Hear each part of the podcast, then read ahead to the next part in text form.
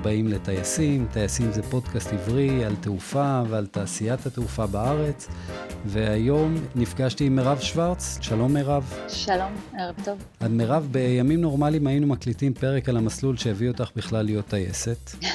אה, ועל המקום שלך אה, כמייצגת מגדר שאין לו מספיק ייצוג אצלנו בתעשייה. אה, ואולי גם ניקח איזשהו ריין צ'ק או קורונה צ'ק על השיחה הזו למתי שנחזור לזמן יותר נורמלי. אבל uh, רציתי לדבר איתך היום על פעילות התנדבות שאת עושה בחסות משבר הקורונה. אולי לפני שאנחנו צוללים, תציגי את עצמך בשתי מילים למי שלא מכיר אותך. מירב שוורץ, כמעט 20 שנה באל על, קצינה ראשונה ב-737, המון שנים ב-400. איפה את גרה מהשוק, בארץ? מגיעה מהשוק האזרחי, גרה בכפר ויטקין, לא במקור מכפר ויטקין, אוהבת חקלאות. יש כאלה שחולמות להיות זמרות, ויש כאלה שחולמות להיות חקלאיות. אז uh, נראה לי שהסיפור שלנו מתחיל פחות או יותר בראשון במרץ. חודש מרץ, אם אני מסתכל עליו אחורה, נראה כמו איזו היסטוריה מה זה עתיקה. כמו תקופת זמן שאני לא מצליח בכלל לזכור איך היא התחילה ומה קרה בה. את יכולה לשתף קצת איך נראה חודש מרץ שלך, מה הייתה הטיסה הראשונה שלך בחודש ואיך התגלגלנו עד לפה? לגמרי. אה, חודש מרץ התחיל אצלי בכך שהמראתי למדריד, במקום קצין ראשון שהיה צריך לטוס לשם, הוא חזר בטיסה, הטיסה הראשונה שגילו עליה חולה קורונה, הטיסה ממילאנו, הוכנס לבידוד, ונקראתי לדגל להציל את הסימולטור. אמרו לי, אם הסימולט, אם את לא, אם לא את, אה, אף אחד אחר לא, וזה היה מעכשיו לעכשיו, נחתתי לפנות בוקר מרומא, טיסה אחרונה מרומא, שלא העזנו לצאת מהקוקפיט, והמעיל נכנס לכביסה באותו לילה והכול, אז עוד לא, לא היינו מומחים, ומצאתי את עצמי במדריד. אולי במילה אחת רק נזכיר, מה זה הקטע הזה של אה, סימולטור שאת נקראת להציל? סימולטור, אוקיי. סימולטור, אה, מעבר לזה שזה מתקן שמדמה טיסה, זה דבר שאנחנו חייבים להשתמש בו, חייבים לעבור אימון סימולטור חצי שנתי. זה בין יתר המבחנים שאנחנו עוברים. אני חושבת שזה המקצוע היחיד בעולם, שמקצוע שכל הזמן אתה נבחן, וכל הזמן מעבירים עליך ביקורת על כל דבר שאתה עושה, ואתה צריך לעמוד באיזשהו סטנדרט שאסור לך לרדת ממנו. אחד המבחנים מתבצע בסימולטור, צריך להתאמן על דברים שאסור להתאמן עליהם בזמן טיסה, בטיסה מסחרית, והסימולטור הזה זה אה, מכשיר יקר.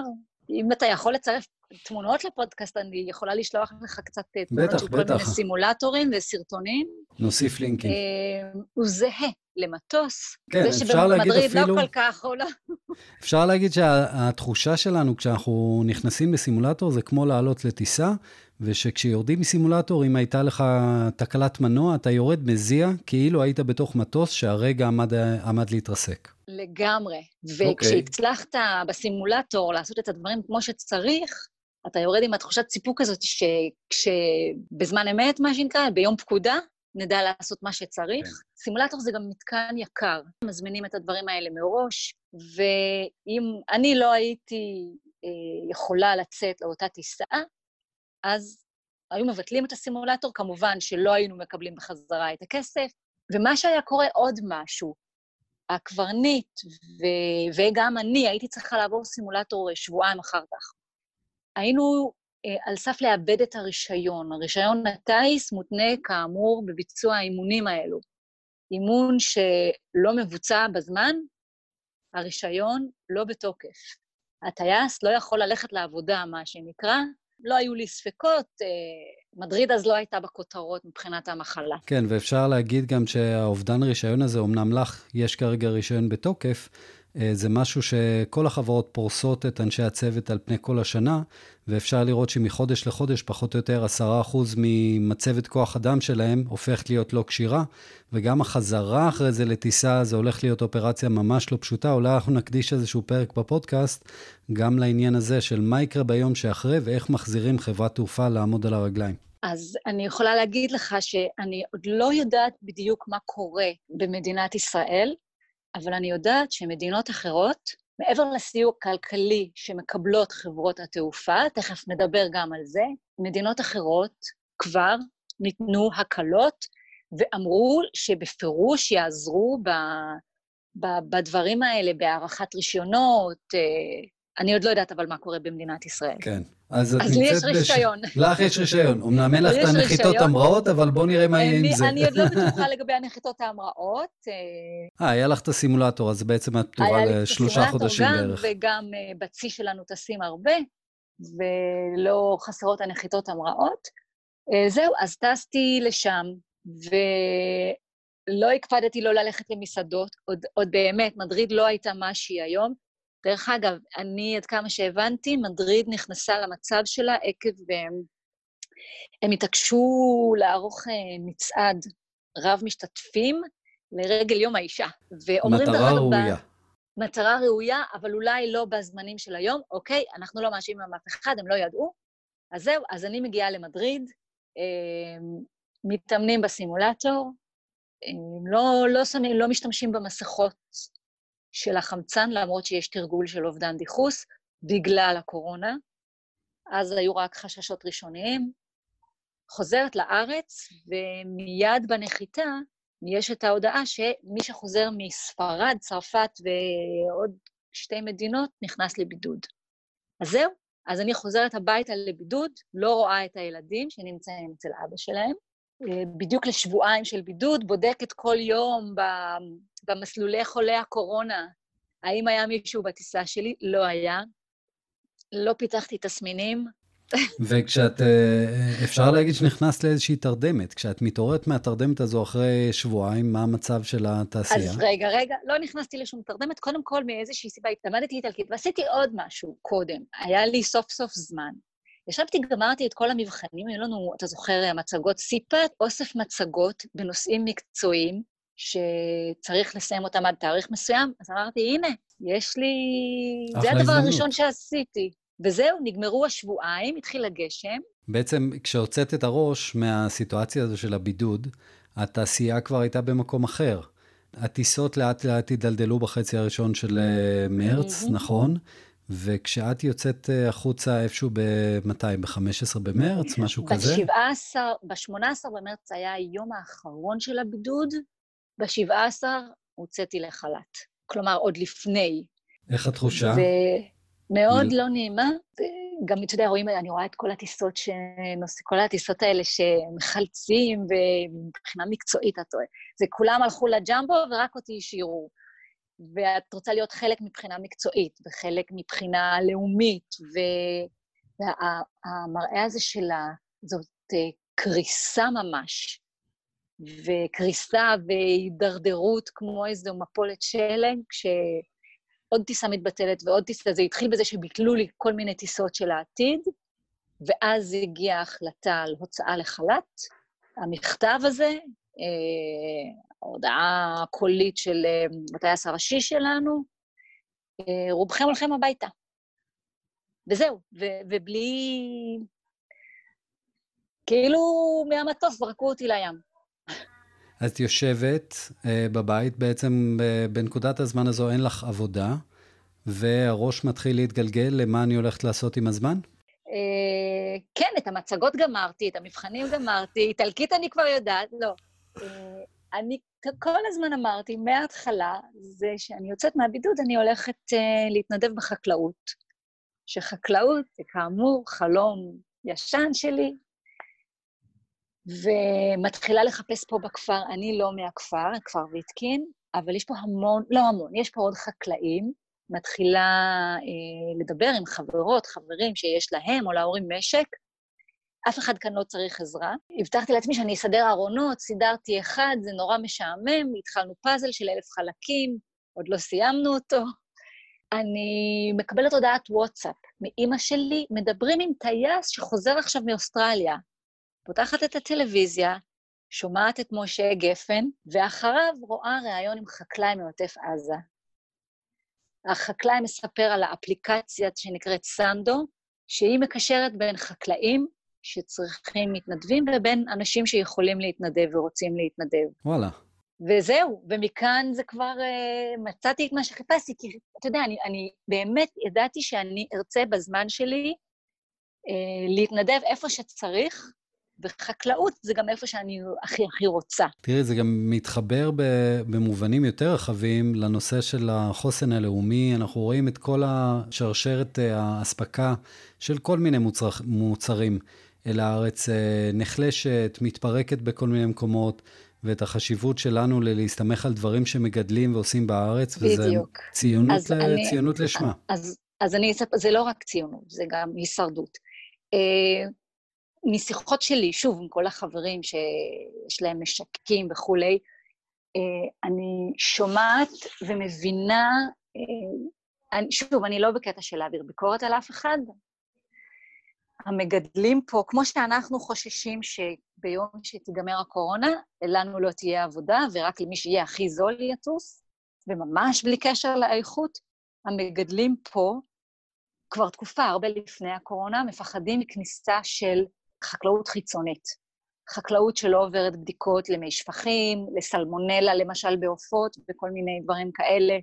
תוצרת מאוד לא טרייה, מאוד לא, לא בדוקה, שנמכרת בשווקים בארץ, שוב, בגלל המחיר הזול ובגלל שזה נוח, ובגלל שנדל"ן זה יותר טוב. זה אספקט אחד.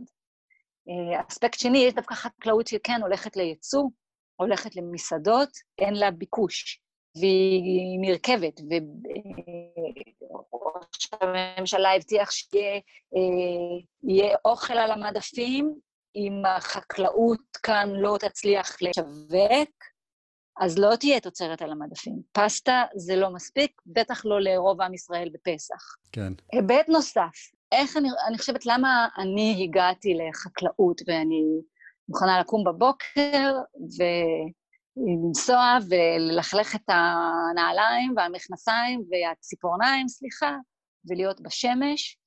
אני באמת חושבת שהאוכלוסייה של הטייסים, וכן, הטייסים הישראלים, ואמנם אני לא בוגרת חיל אוויר, אבל מיום שהתחלתי לטוס באזרחות, אני, רוב המדריכים שלי היו טייסי חיל אוויר. אה, זאת אוכלוסייה שלא מפחדת לקום מוקדם בבוקר, או ללכת לישון מוקדם בבוקר, בין אם זה בצבא, וכן, בין אם זה באזרחות, ולעבוד קשה. נכון שכשאנחנו יושבים במטוס נראה שאנחנו לא עושים כלום, אבל כשאנחנו נוחתים ב-40 קשר צולבת, משאבית, בפריז ועושים את זה באמת יפה ובטוח, אז uh, אנחנו כן עושים משהו. וזה באמת, אני, אני באמת חושבת שאני לא מחמיאה לעצמי עכשיו, אני מחמיאה לאוכלוסייה שלמה, שביום, אני אומרת, ביום שנצא מהמשבר, אנחנו, אנחנו הטייסים, ולא רק, אני חושבת שכל העובדים של חברת התעופה זה אנשים שיודעים לעבוד. אני רואה את הדיילות והדיילים כשיורדים אה, נוסעים מטיסה, אין אחד, אין אחד שלא מחמיא להם על הטיסה, וכמה שהיה נהדר, וכל ה... אלה שכותבים טוקבקים באינטרנט, אני לא מדברת עליהם, לדעתי הם גם בכלל לא טסים. נוסעים זרים, לא זרים, נזירים, אה, צליינים, סטלנים, כולם יורדים מרוצים. ואם יש מי שיכול להחזיר איזשהו חוב או איזשהו קרדיט שיינתן לו עכשיו זה אנשים כמונו, אנשים שמתנדבים, מי שטס במילואים, מי שמתנדב במקומות אחרים, אני, אני בטוחה שאני לא היחידה. אנחנו באמת אנשים שעבדנו קשה, מי באזרחות ומי בחיל האוויר כדי להגיע למשרה שלנו, עובדים קשה כדי להגיע למקום עבודה, עובדים קשה כדי לשמור על כשירות במקום העבודה, ואם יש מישהו שיכול לקחת את החברה הזאת ולקבל על עצמו איזושהי התחייבות של להוציא אותה מהמשבר כשיהיה אפשר, זה אנשים כמונו שיקומו מוקדם בבוקר, ילכו לעבודה ויחזירו את החוב הזה. כן, אה, ואת נותנת לזה ממש דוגמה בידיים שלך, אם אפשר להגיד זה ככה. לגמרי. אכלתי כל יום קולורבי, טעים כמו שלא אכלתי בחיים. זהו, באתי לשאול אותך, מה אתם מגדלים? איפה את עובדת? אז אני מצאתי היום, מצאתי מגדל, אה, מישהו שמגדל קולרבי, עוד דברים. בגבע כרמל, כן. זה בן אדם שמעסיק גם תאילנדים, ואמר לי, דרך אגב, שהוא מאוד, אה, מאוד מרוצים מהמצב, וגם אוכלוסיות אה, נוער בסיכון, אוכלוסיות עם צרכים מיוחדים שעכשיו לא יכולים לבוא לעבודה. הקולורבי באפליקציה מי שייכנס לאפליקציה יוכל לראות, יש מקומות שהם מגדירים שהם צריכים סיוע חירום. זאת אפליקציה, דרך אגב, שלא נולדה רק לצורך הקורונה, היא נולדה עוד לפני, חקלאים שמחפשים אנשים שרוצים לעבוד, להתנדב בחקלאות. אבל עכשיו יש מקומות שצריכים סיוע חירום, והקולרבי, אם נותנים לו לגדול יותר מדי, כבר אי אפשר לשווק אותו. אז היום כתבנו קולרבי. ואת בעצם לא יודעת מה יהיה הדבר הבא? את נודדת עם האפליקציה לא, לאיפה אני... שצריכים אותה? כן, כן, כן, בדיוק. באפליקציה רשמתי שאני מעוניינת לעבוד, uh, בהתחלה רשמתי בכל הארץ, ואז הגיעה איזו בקשה מחקלאי ברמת הגולן. ואז ראיתי שזה שעתיים נסיעה לכל כיוון. ביום שישי להיום היה קצת גדול עליי, uh, אבל יכול להיות שביום ראשון אני אסע, ואני מתכוונת uh, uh, לקחת איתי את המתבגרת והמתבגר, שיעבדו. אימא לוקחת את הילדים לעבודה, בין אם זה טיסה ובין אם זה התנדבות בחקלאות. זהו. מעולה. טוב, תגידי ככה, רגע לפני שאנחנו מסיימים, אם הייתי שואל אותך מה התחזית שלך לתעשיית התעופה, גם ברמת החודשים קדימה וגם uh, שנים קדימה, לאיפה את, uh, רואה, איפה את רואה את זה בראש שלך? חודשים קדימה? בוא נגיד, בהינתן שזה לא איזשהו וירוס שבאמת יקטול פה חצי מאוכלוסיית העולם, uh, כמו שנראה עכשיו בסין, תוך חודשים ספורים, יש כאן כזה בום של התעשיות, של הנסיעות בישראל. אתה ראית שהישראלים לא יטוסו? אני, אני חושבת שהדברים יירגעו, אני לא יודעת תוך כמה זמן הם יירגעו, כי אני לא אפידמיולוגית. אני מעריכה שזה עניין של כמה חודשים, אבל אני מאמינה ש... ש... אני מאמינה באמת שיהיה פה איזשהו בום גדול. צריך לדעת להיכנס לזה, צריך לדעת לצאת מזה, ולצאת מזה כש... כשאנשים מבינים את הצורך בתעופה, תעופה ישראלית, טייסים, טייסות אה, ישראלים וישראליות, זו התחזית האופטימית שלי. כיף להיות בצד האופטימי, ואני מאוד מקווה שהדברים יסתדרו בכיוון כזה ובקצב כזה. אה, אנחנו בכל אופן נקבע לעצמנו, לאחרי שדברים אה, מסתדרים, לשבת לכוס קפה, עם מיקרופונים, אחד ליד השני, ולדבר קצת על המסלול שלך ועל מה הביא אותך להיות טייסת ועל איך אנחנו מעודדים עוד טייסות להגיע ולהיות טייסות. אה, בשלב הזה אני ממש ממש אודה לך על הזמן ועל ההשקעה ועל החשיפה שלנו לאפליקציה ולהתנדבות אצל החקלאים. ויש עוד איזה שהם דברים שהיית רוצה לציין לפני שאנחנו אורזים ככה את הפרק? יש משהו קטן. אה, תעופה, למשל בארצות הברית, היא מחזיקה 7 אחוז מה, מה, מהמשרות, מהעבודות. אני לא חושבת שיש איזושהי מדינה שיכולה להרשות לעצמה אובדן כזה גדול של uh, זירת העסקה. Uh, ועוד משהו קטן, אופטימיות, כן.